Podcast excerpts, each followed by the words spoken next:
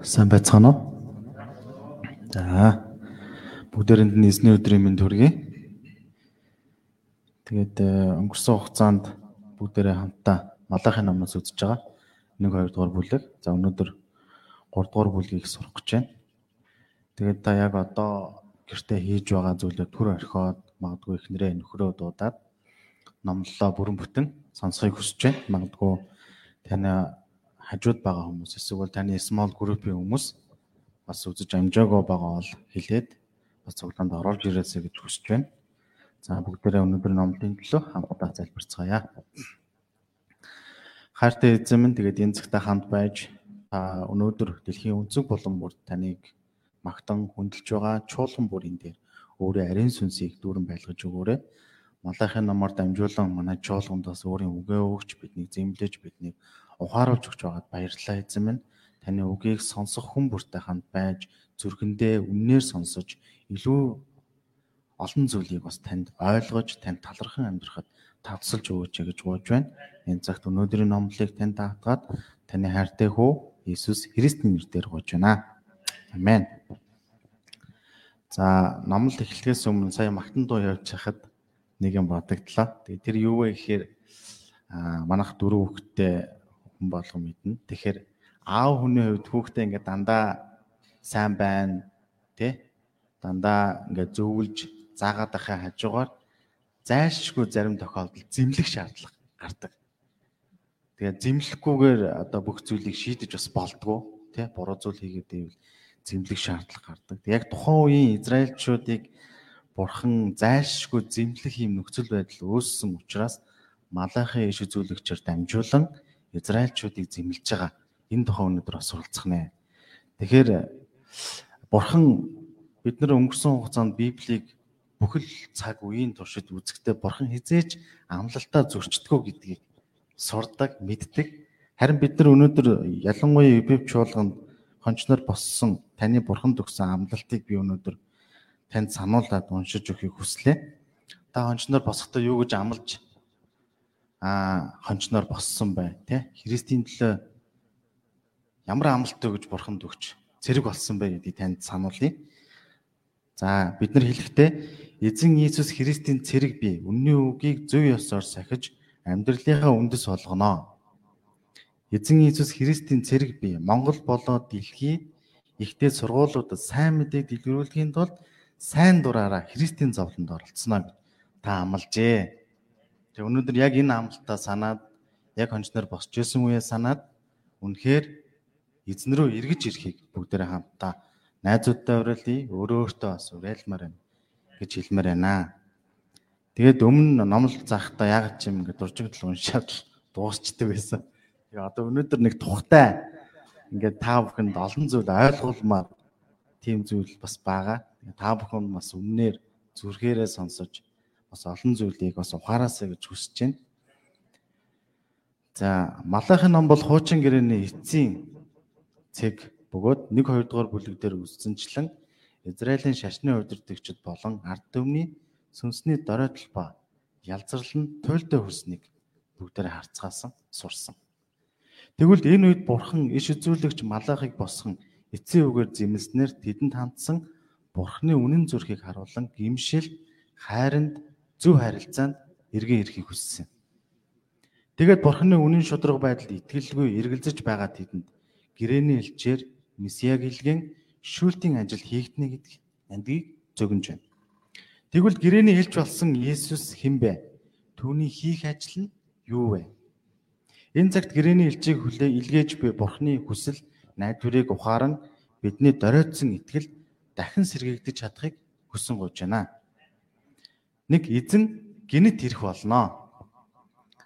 2:17-г үзэх юм бол за би уншиж өгье. Та нар үгсээрээ эзнийг туйлдуулагч бид яаж туйлдуулдаг юм бэ гэдэг.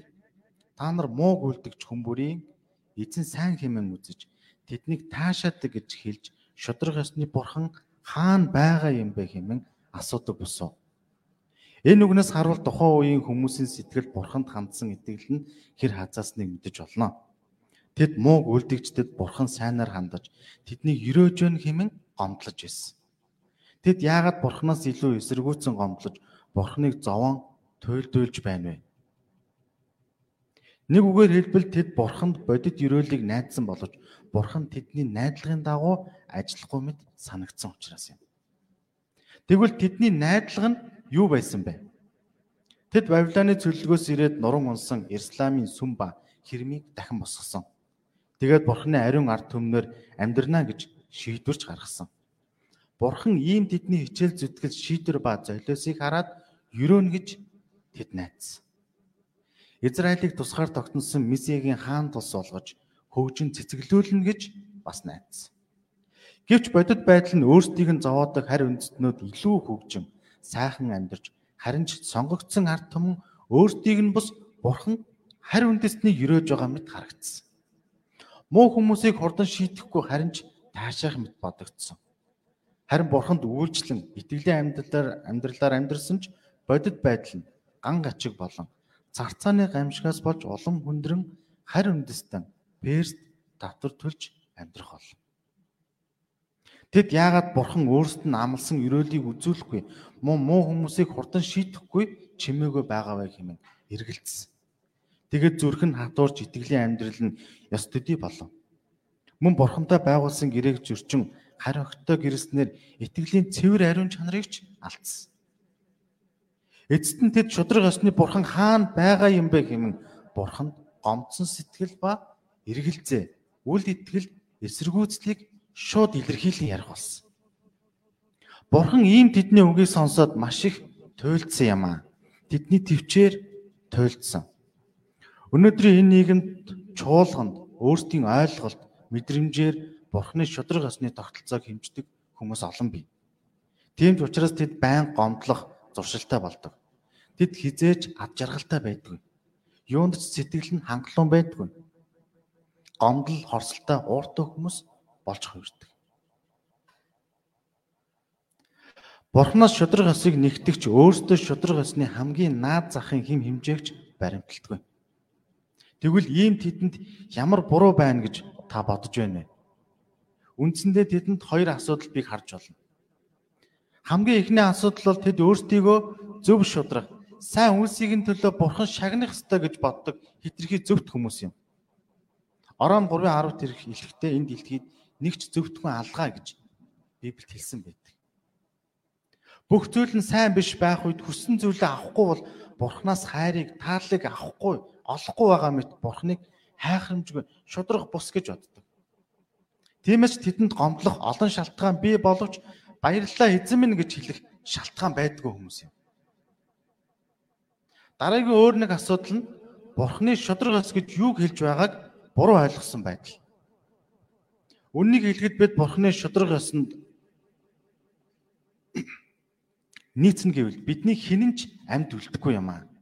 Эдгээр хүмүүс өөрт нь болон хөршийнхөө эсрэг үйлдвэж буй байдлаа харуул Бурханаас амьд үлдээс нь гайхамшигын гайхамшиг гэлтэй. Гисэн хэдэж тэд ийм өрөөл аваагүй хүмүүс мэд бүгдийг дэнсэлсээр шүмжилсээр суун. Хэрвээ Бурхан шудраг осны дагуу тантай харьцах байсан бол бидний дунд хэн хөл дээрээ зогсож чадах вэ? Хэрвээ бурхан үнэхээр шудраг осны дагуу тантай харьцах байсан бол бидний дундаас хэн бурханы өмнө зогсож ам амьдрал ивэлд хүртэх ёстой гэж хэлж чадах вэ? Ингэж боддог хүмүүс өөрсдийнхөө гимтэй байдлыг, зүр сэтгэлгүй байдлыг, нүглийг мэддэггүй. Өөртөө нүглийг ч хүлээн зөвшөөрөөгүй. Бурхны шүүлтэнд орж аимшигтай читгэл авна гэдгийг ч мдээгүй. Үндэ шудраг асна Бурхны эсрэг болон би биенийхээ эсрэг нүглийг нь төлөөс үхлийг шаардаж байгааг мдээгүй. Гэсэн ч тэд шудраг ясны бурхан хаана байна вэ гэж хэлсэн.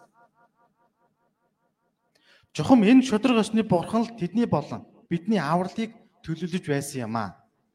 Бурхны өмнө өөрийн үнэн төрхийг ухаан гимшилгүй. Бурхны хайрыг умартан түүний хайранд эргэлзэн түүнд үл хүндэтгэн эсэргүүцэн харилцдаг. Бодит өрөөлийг л нэхэн шаарддаг. Ийм хазаас нь дороодсон тэднийг бурхан төвчин тэдэнд гэрээний элч буюу месиаг илгээнэ гэснээр эрх месиаг харахыг хүссэн юм аа. Мөн месиагийн хийх ажлыг зөвхөснөр тэдэнд сануулга өгөн гимшихийг уриалсан. Чааш нь 3-1-ийг үзэх юм бол харагтун өмнөх замаа бэлтгүүлэхээр би зарлага хэлчээ илгэнэ. Та нарын хайдаг эзэн гинэт өөрийн сүмд ирэх болно. Тэр ч байтугай та нарын баярлан таашаах гэрээний илж харагтун тэр ирж байна гэж төг төмдийн эзэн айлдж байна. Энд ихэнд дурдсан бэлтгүүлэхээр илгээх зарлага элчин 400 жилийн дараа ирэх баптист зааж байна. Тэднийг твцээр туйлдсан бурхан 400 жилийн турш ямар ч үг өгөлгүй дуу чимээгүй байсан. Гэсэн ч цаг нь болоход баптист Иохныг илгээн Месиягийн замыг бэлтгүүлсэн юм а. Харин баптист Иохноор тайвширлын үгийг бус гимшлийн үгийг тунхлуулсан. Ард түмний сэтгэл сүнсийг гимшлэр бэлтгүүлсэн. Тэгэхэд бурхан амлалтын дагуу Израилийн хүсэн хүлээсэн гэрээний хэлж буюу Месиа Иесусыг илгээсэн юм а. Есүсийг гэрээний хэлж гисэн нь Иремягийн иш үзүүлгийн дагуу Есүс шин гэрээний зууч болж ирэх учраас тэр. Бурхан Израилаар дамжуулан хуулийг сахин аврагдах нэг ч хүн байхгүй байгааг харав. Тэгээд Есүсээр дамжуулан хүмүүсийн гмийн асуудлыг нэг мөсөн бүрийн шийдэж өгснөөр түүнд итгэгч нь гмийн өршөөл аван аврагдана гэсэн шин гэрээг тогтов. Бурхан Есүсийн ийхүү шин гэрээний зууч болгон илгээсэн юм. Тэгвэл гэрээний зууч Есүс ирээд юу хийх вэ? Хоёрыг үзэх юм бол гэвч түүний эрх өдрийг хэн төсвөрлөж чадах вэ? Түүнийг үзэгдэхэд хэн зогсож чадах вэ? Учир нь тэр цэвэршүүлэгчийн гал шиг угаагчийн савн шиг юм. Энд түүний эрх өдөр нь эхлээд Есүсийг энэ дэлхийд анх ирсэн өдрийг болон эцэст нь энэ дэлхийн төгсгөл дахин эрх өдрийг хамруулж байна. Тухайлбал Есүсийн эхний ирэлтийг зөгнөхийн зэрэгцээ дахин ирэх өдөр болох шийтгэлийн өдрийг ч зөгнсөн. Тэр өдөр нь ивэлийн бус харин аимшигтай шийтгэлийн өдөр учраас түүнийг дэвсвэрлэж чадах хүн байхгүй гэсэн. Тэгвэл гэрээний элч Христ ирээд ямар ажил хийх вэ?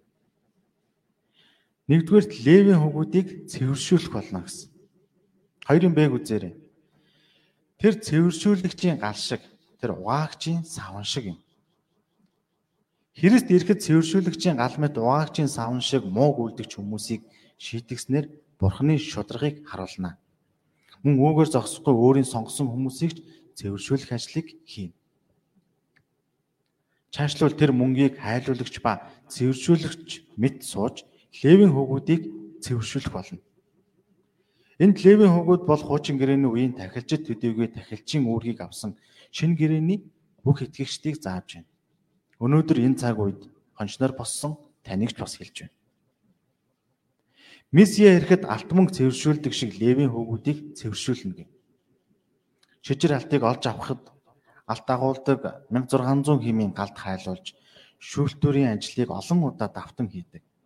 Тэгээд нэг тонн алт агуулсан чулуунаас 13 грамм шижир алтыг гарган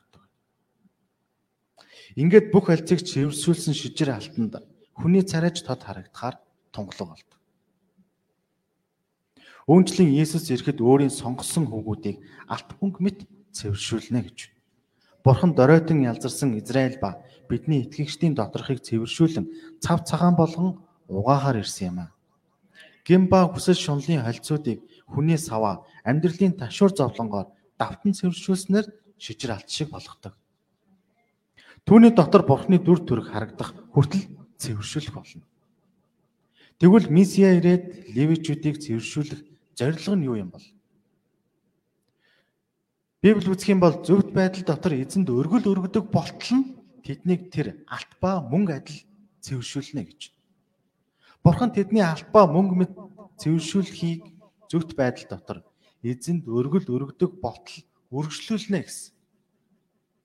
Учир нь бурхан тэднээс зөвхт байдал дотор өргөл өргөхийг хамгийн их хүсдэг. Энэ нь бурхантай дотн харилцаан дотор дахил буюу мөргөл өргөхийг хүсдэг гэсэн утгатай. Уг нь бурхан гимээс нь болж ариунаас ариун өөрөө нойртож харилцаж чадахгүй хүмүүний төлөө дахлын системийг тогтоож өгсөн. Бурхан гимтэй бидэндээ хайрын дотор харилцахыг хүснэх юм. Энэ нь үнэхээр бурханы хайр ба нэгүсэл учраас гимтэй хүний зүгээс талархахгүй байхаа аргагүй. Тиймээс бурхан ийхүү тахлыг бурханд хандсан хэмээн хүндлэх сэтгэл, хайр, талархал гимжлэр өргөхийг хүсдэг юм аа. Зүрхээрээ бурхныг хайрлахыг хүсдэг. Гэвч тухайн үеийн тахилч нар бурхны ийм сэтгэлийг ойлголгүй. Бузар өвчтөй сохрыг өргөлөөр авчирдаг байв. Ийм тэднийг хараад бурхан шаналн харамсаж твцсээр байгаад туйлдсан. Тиймээс бурхан гэрээний элч буюу Месиа Есүсийг илгэн дахин дахин цэвэршүүлснээр тэднээс зөвхт байдлын дахлыг авахыг зорьсон юм а. Есүс ирээд цэвэршүүлэхэд бид эзэн зөвхт байдал дотор дахил өргөж чадна. Тэгэхэд ард түмэнж ариун болно. Чааш нь үзэх юм бол тэгээд Йода ба Иерусалимын өргөл нь эртний өдрүүдийн шиг, урдийн жилүүдийн шиг эзэн тааламжтай байх болно. Бурхан эртний үед тухайлбал Мосе болон Давид хааны үед өргөсөн тахлыг таалдаг байсныг бүгдээр мэднэ. Тэр үед Ливичүүд цэвэр зүрхтэй байсан юм. Гэм алдаа зөрчлөөр дүүрэн хүмүүнийг уучлан өршөөсөн бурхан талхарлаар дүүрэн дахил өргөдөг байсан юм. Тэгэхэд бурхан тэдний зөв дахлыг таалан өрөөсөн. Бурхан ливичүүдээс имдэрсэн зүрхээр гимссэн ариун зөв дахлыг дахин өссөн.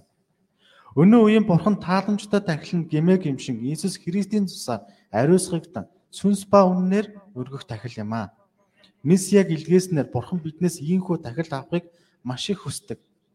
Малайхан үеийн левичүүд шиг бид гимшин цэвэр зүрстгэлтэй босноор зүвт байдлын тахилаар Бурханыг баярлуулж чадахыг хүсэн гож байна. Дээрхээс харах юм бол тухайн үеийн хүмүүсийн хүсэл ба Бурханы хүсэл хоёрын дунд ялгаа байгааг мэдэж болно. Хүмүүс бол нүдэнд харагдах гаднах хөгжил дэвшил ба ерөөлүүдэд анхаардаг.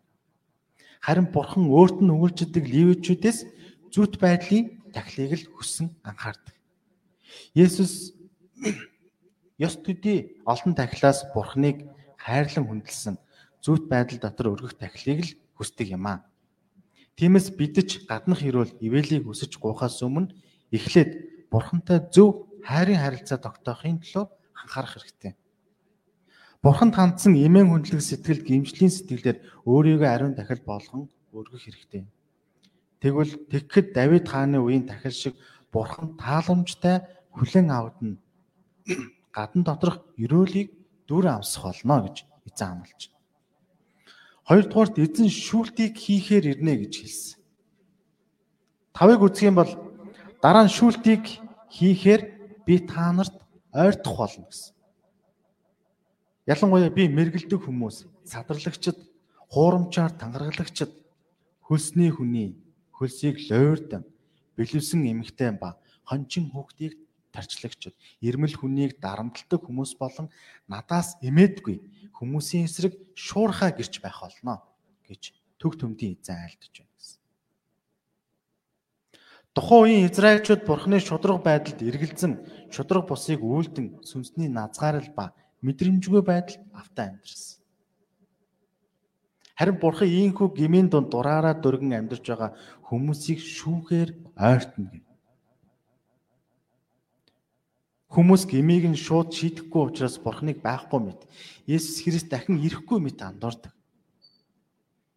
Харин бурхан өөрөөс нь нэмээлгүй дээр дурдсан янз бүрийн гим үйлдэгчдийн эсрэг гэрч болж заавал шийтгэнэ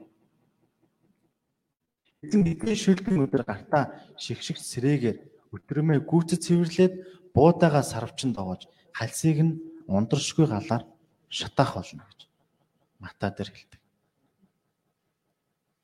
Тэр өдөр Бурхны өмнө юу ч нууч чадахгүй ба өөрийгөө зөвдгөх боломжгүйгээр юу үйлснийхэн төлөө үйлснийхэн дагуу шүүгдэх болно. Тиймээс Бурхан шүүлтийг хийхээс өмнө хинч гисэн гимшин түүн рүү эргэх хэрэгтэй юм аа. 6-аг үтх юм бол эзэн би өөрчлөгдөшгүй. Эзэн би өөрчлөгдөшгүй. Тиймд Яаковын хөвгүүдээ та нар сүнэхгүй. Эзэн бурхан бол өөрөө оршин байгч учраас мөн өөрчлөгдөшгүй. Тийм сонгосон ард түмэнд хандсан түүний амлалт ч хизээж өөрчлөгдөхгүй. Тэд өөрсдийн гэмээс болж бурханы шийтгэл амсан хүн зовлон дунд орсон ч бурхан тэднийг сөнөхгүй гэж байна. Израильчүүдийг ийхүү хувиршгүй хайр ба хүсэл найдвараар ханддаг шиг өнөө үе сонгосон шинэ Израиль болсон итгэгчдэд тавьсан хайр ба хүсэл найдвар нь бас өөрчлөгдөшгүй юм аа. Бурхан бидний итгэлийг л хараад өөрийн сонгосон ариун ард түмэн хаамд тахилж болгосон. Тиймээс бид энэ цаг үеийн левийн хүүгүүд буюу сайн мэдээний тахилч нар билээ. Бурхан биднийг цэвэршүүлэхийн төлөө одоо зовлон бэрхшээлүүдийг зөвшөөрөн төр унгаадаг мөнх суурилд оруулахгүй юм аа. Тиймээс түүний цэвэршүүлэх ажлыг бид дуулууртай байдлаар талархан төвчээртэй даван туулж зөв байдлын үр жимсийг гаргахыг хүсэн гож байна. Арагийн сурал дахь бидний хоёр дахь том зүйл бүхий л 11-ээ авчир гэж эзэн хэлсэн. Болоог үтх юм бол эцэг өвгдийнхөө өдрүүдээс та нар миний дүрмүүдээс иргсэн. Биднийг мөн захаагүй. Над руу эргэн ирэхтэн би ч та нар руу эргэн ирэх болно гэж төг төмдөө эзэн айлдаж байна.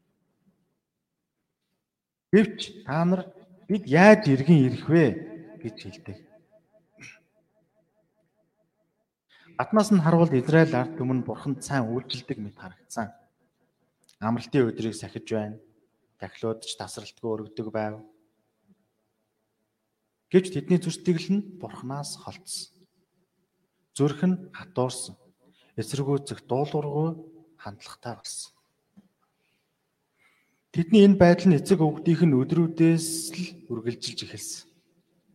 Тэд одоо олон зовлон донд байгаа гол шалтгаан нь Бурханаас холдон Бурханы үгнээс зөрчин амьдарч байгаагийнх байв.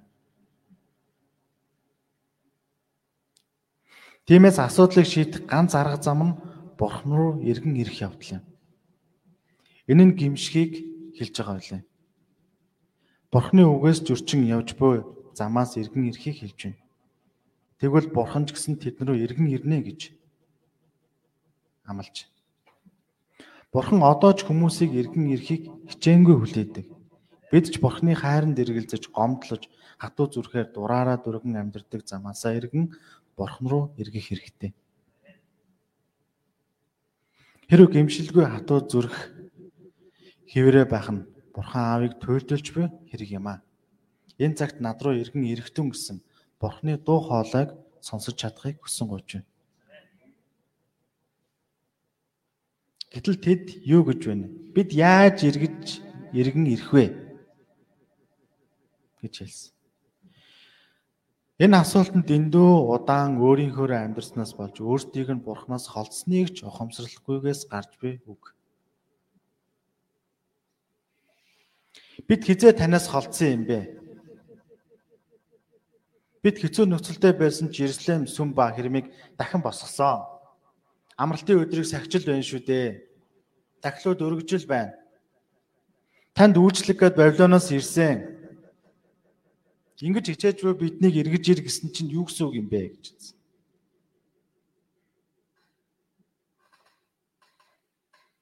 Бид өшөө юу хийх юм бэ хэмээн эсэргүүцсэн. Тэд өөрсдөд ямар ч асуудал байхгүй харин ч бурхан өөрсдийг нь өрөөхгүй байгаа нь асуудал гэж бодсон. Үүнд бурхан тэднийг аль талаараа эргэх хэрэгтэйг зааж өгсөн. Тэгвэл 6-аг бүгдээрээ хамтаа та уншаар. Бурханы хүн лойрдох уу? Гэсэн чи та нар намайг лойрдож байна. Гэвч та нар бид нар таныг яаж лойрдсан юм бэ гэдэг. 11-ээр ба өргөлөөр. Бурхан Израилийг эргэн ирэх талаар хэлэхэд хамгийн түрүүнд 11-ийн асуудлыг хөндөв. Бурхан 11 ба өргөлийг бүрэн өргөхгүй байгааг лойвер гэсэн.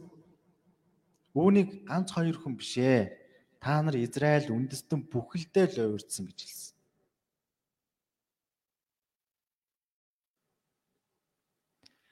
Бурхан Лев 27 дугаар бүлэгт Израилийг амлсан газар Канаанд ороход 11-ийг өргөхийг тушаасан байдаг. 11-ийг нь газрын болон мал амьтны гих мэт бүх орлогоосоо бүх 11-ийг талархалтайгаар бурханд авчрахыг хэлж байна. Өргөл бол өнөөдрийнхөөр бол талархлын болон олон янзын онцгой өргөлүүдийг заадаг.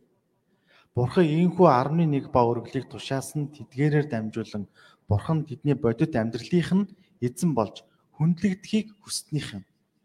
Тиймээс 11 бол бурхантай харилцаанд ямар байгааг харуулах бодит хэмжүүр болдог. Гэвч Израиль ард түмний өргөлийн амьдрал ямар байсан бэ? Есийг үзэх юм бол танаа үндэстэн бүхэлдээ намайг луйрдж байгаа тул та нар хараалаар хараагдсан. Тухайн үед Израилийн эдийн засаг нөхцөл байдал маш хэцүү байсан. Перс татвар төлөх ёстой. Үүн дээр ахаад ган гачиг эдийн засгийн нөхцөл байдал хэцүү байсан. Зарцааны гамшигаас болоод тариа хураалт байхгүй.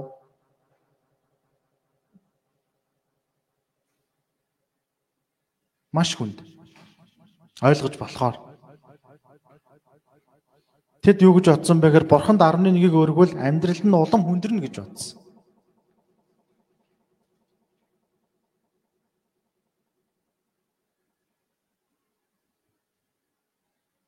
Тэгээд бурханд өргөх ёстой 11-ийг харамлан өөрсдөө үлдээсэн.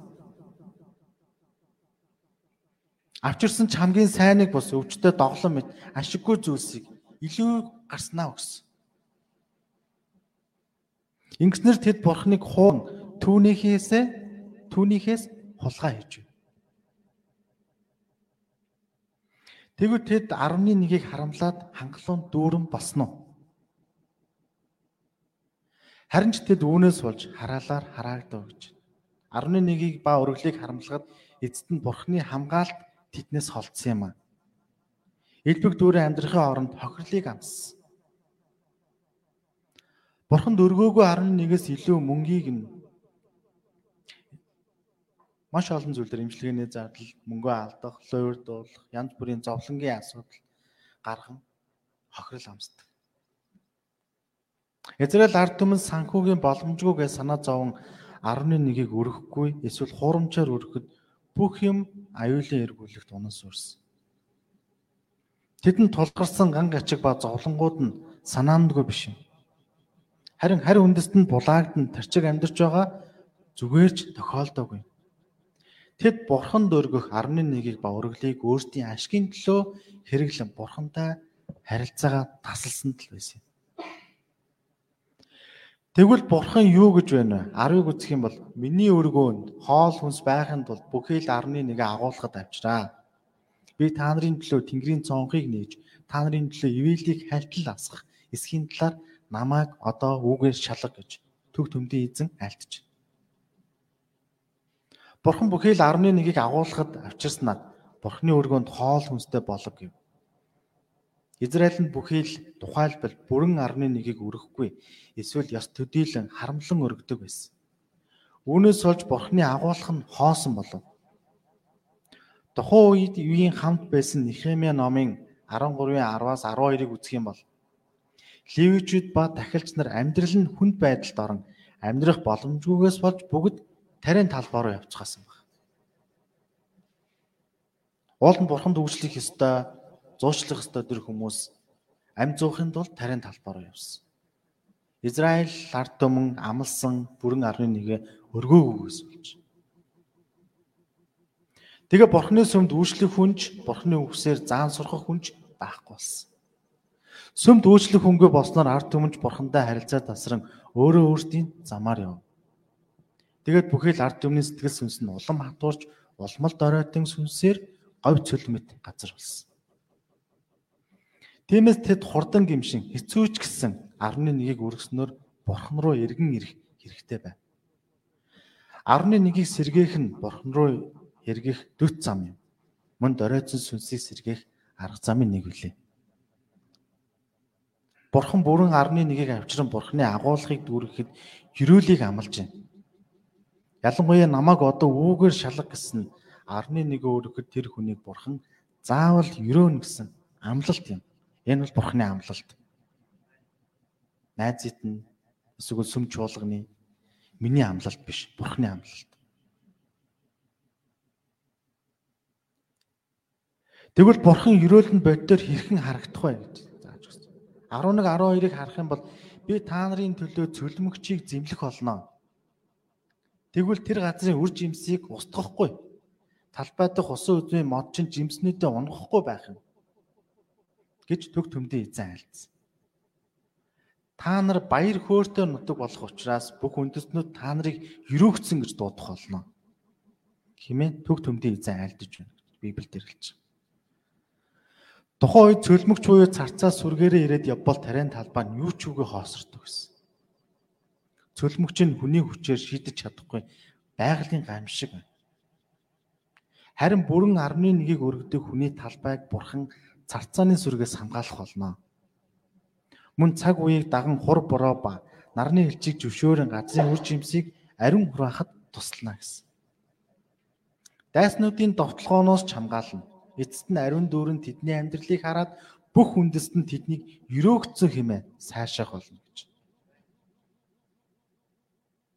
Дээрхээс харах юм бол 11 ба өргөлийг бүрэн өргөх нь төвөгтэй бус харин өрөөл гэдгийг мэдэж болно. Хүмүүс 11-гээ өргөхөөс төвөгшөөх нь минийхийг бурханд өргөнө гэж боддог учраас юм. Гэвч сайн бодоод эрүүл ухаанаар харах юм бол бидэнд байгаа бүх зүйл бурханых юм аа. Эзэн ивэлээр өгөгдсөн зүйл гэдгийг мэдэж болно. Бурхан гимба алдаа зөрчил дунд байсан намайг авран шин ам ба амьдралыг өгсөн. Түүгээр зогсохгүй мэрэгжил, эзэмших чадвар, ажлын бай, ажил хийх боломж, эрүүл мэнд, идэж өмсөх, амьдрах бүх хэрэгцээг зөвшөөр өгсөн. Бурхан үүнийг бүү март гэж дэд хууль 8:17 18-д инхүү хэлсэн. Сануулсан. Миний чадал, миний гарын хүч тэнхээ энэ хөрөнгө чинийг надад би болгосон юм гэж чи зүрхэндээ хэлүүзээ. Тэр чамд хөрөнгө чинээ олох хүч чадал өгдөг учраас чи өөрийн бурхан эзнийг санагтун гэж хэлсэн. Бид одоо өрөөгдөө амьдарч байгаа нь бурхан хүч чадал өгч байгаа учраас юм аа. Тэрнээс миний хүч чадлаар биш, миний эд хөрөнгөөр биш юм. Тиймээс бид бурханд талархан 11-гээ сайн дураараа талархал ба баяр хөөртэй өргөх хэрэгтэй. Ёс төдий харамлсан сэтгэлээр бас Бурхны бүх зүрх, бүх хүч чадлаар хайрлан хүндлэх сэтгэлээр өргөх хэрэгтэй. Ялангуяа 11-ээр өөрийгөө болон бүх амьдралыг ариун дахил болгон өргөж байна гэсэн зориулт танд байх хэрэгтэй байна. Мөн 11-ийг өргөхөд бурхан хангана гэсэн итгэлээр бүрэн 11-ийг өргөцгөөе. Бурхан мөнгөгүй 11-ийг шаардаж байгаа юм биш юм. Энэ дэлхийн бүх юмс түүнийх юм аа. Тэр бүх юмсын эзэн. Харин 11-ээр дамжин бидний сэтгэл ба итгэлийг л хүсдэг. Алдаршихыг л хүсдэг. Бурхныг амьдралынхаа төв тайван хүндэлж харилцахыг л хүсдэг юм. Мөн бид 11-ийг өргөх үед 10-ны 10 бүгд бурхных гэдгийг санах хэрэгтэй. Харин бурхан 19-ыг бидэнд даатгсан.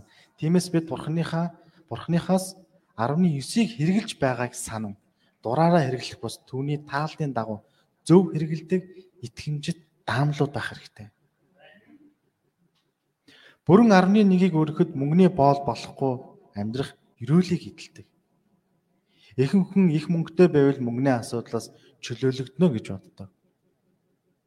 Харин 1-р Тимот 6-гийн 9-10-д баяжих хүсэлтэй нь улам мөнгөний боол болж зүсэн бүрийн хүсэл, шунал ба шудраг бусыг үйлдэн эцэст нь санаа зовоороор дүүрч суурна гэж. Мөнгөний асуудлаас чөлөөлөгдөх хамгийн мэрэгэн арга нь мөнгөтэй баян болох бус харин 11-ийг өргөн амьдрахад байдаг юм а гэж Библи бидэнд зааж байна.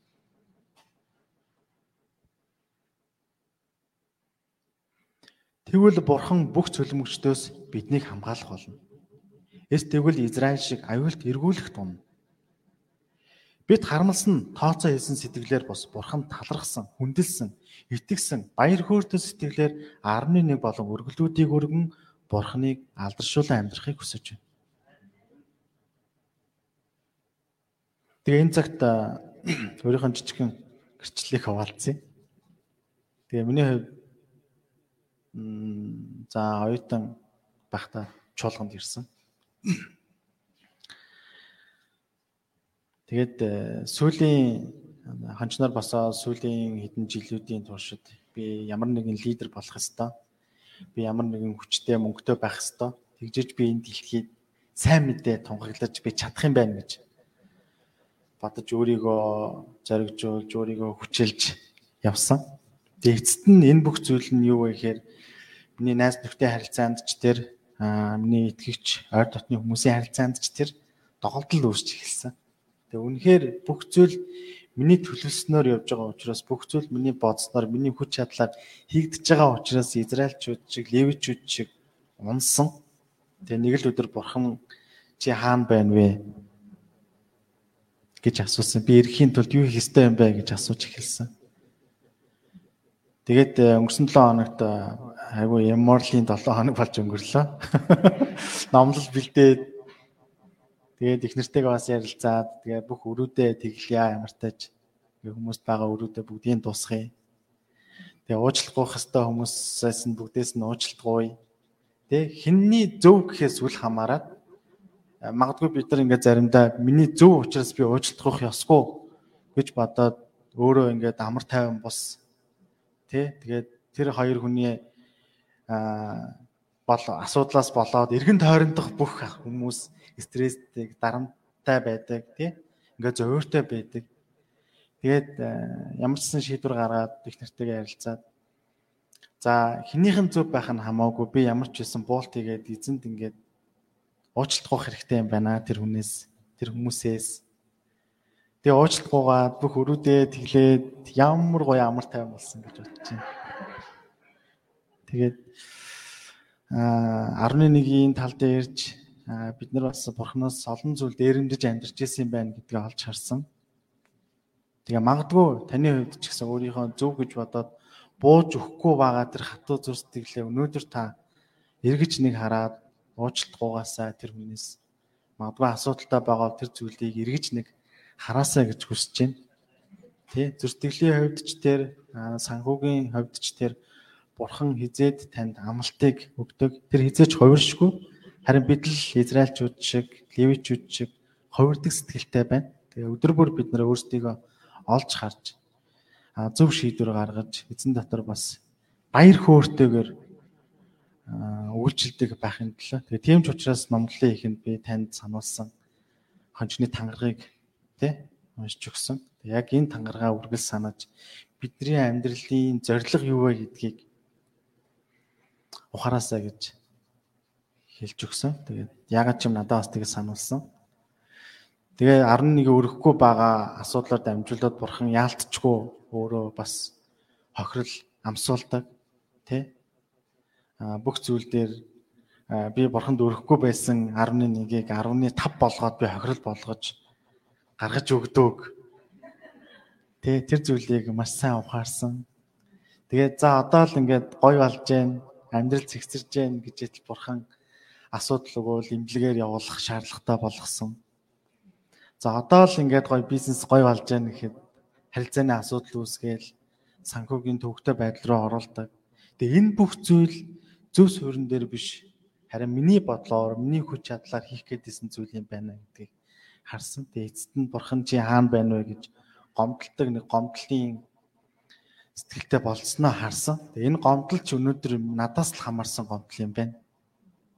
Тэ бурхан хизээч хувиршгүй. Бурхан харин морины нөгөө нурууг авдаг биш те. Христчийн хүмүүсийн дарамталдаг биш. Харин бурхан бидэнд баяр хөөргийг, амжилтыг, найдварыг өгдөг бурхан юм байна гэдгийг өдөр бүр суралцж байна. Тэгээд та бүхэн ч гэсэн бас урайлж байна. Тэгээд дүгнэлт бүгдээрээ хамтдаа үзцгээе. Хан гэрэний ээлж буюу Есүс Христийг илгэн сонгосон хүмүүсээ цэвэршүүлэх ажлыг хийдэг гэж бүгдээрээ харлаа. Мөн өөрийнхөө цагт дахин ирээд заавал шудрах шүлтийг хийх болно. Бурханд эргэлзэн үл итгэл донд дураараа дөрөн амьдсан хүмүүсийг шүүх болно. Тийм Бурханы шудрах ба амилтанд тууштай итгэн Бурханд зөвхт дахил дөргөн амьдрах хэрэгтэй. Бурханыг бүү дээрэмд Бурхан бидэнд хайртай Бурхан үнэхээр танаас 11-ийг гуйдгүй гэдгийг би чин сэтгэлээсээ танд хэлж чадна. Бурхан үнэндээ жинлөөрөөр жилсэн сэтгэлгүй, хүүтэн тооцоолсон өргөлийг хүсдэггүй юм аа. Баян ухраас өргөдөг, ядуу ухраас өргөдөггүй, тогтмол орлоготой бизнес эрхэлдэггүй гих олон шалтгач үнэндээ шалтгаан биш дээрэм гэж Библи хэлж байна. Ийм сэтгэлээр хүмүүсийн нурууг авсан гэр бүл дарамт болсон өргөлийг тэр таашаадгүй юм. Бидний 11 өргөл нь эсрэгээрээ бидэнд бүх зүйлийг өгдөг юм. Талархал хайраар дүүрэн төрсгөлээс ирдэг гэсэн итгэлтэйгээр түүнийг хайрлах хайрын илэрхийлэл юм аа. Ялангуяа бүрэн 11 өргөснөөр бурхантай зөв хайрлц хайрын харилцаа тогтоон сэтгэл сүнс ба бодит амьдрал дээр бурхны өрөөлийг дүүрэн амсан амьдардаг хүмүүс болохыг хүсэн гуйж байна. Баярлалаа. Бүгдээрээ хамтдаа залбирцгаая. Хайртай эзэн минь өнөөдөр энэ цагт та хамт байж бидэнд бас олон зүйлийг ойлгуулсан өгч байгаа танд баярлалаа. Үнэхээр таны өмнө шудраг ёсыг нэхэж танд гомдолж байгаа бидний хувьд яг үнэхээр Библийн үгээр явбал бид нар хизээч хоёр хөл дээрээ зогсож чадахгүй гэдгээ биднэ Эзэн минь бидний бардам байдлынхын төлөө, эзэн минь бидний дээрэм хийж байгаа байдлынхын төлөө таны өмнө чин сэтгэлээсээ гимшиж байна. Эзэн бид нар мэдх мэдгүй маш олон зүйлийг хийдэг, найз нөхдийгөө хөршийгөө бүх зүйлийг гомдлын сэтгэлээр, шүмжлийн сэтгэлээр хийж байна эзэн минь. Энэ нь бидэнд бас дарамт болж байна эзэн минь. Харин та энэ бүх зүйлийг эсрэгээр нь биднийг чөлөөлж, гимшилт аваачиж өгөөч гэж хүсэж байна эзэн минь. Үнэхээр манай чуулган, манай итгэгчид Монгол улсын тахилж болсон нийт итгэгч хүн бүр таны өмнө чөлөөлөгдөж, таны өмнө бурхан руу иргэн ирэхэд та тусалж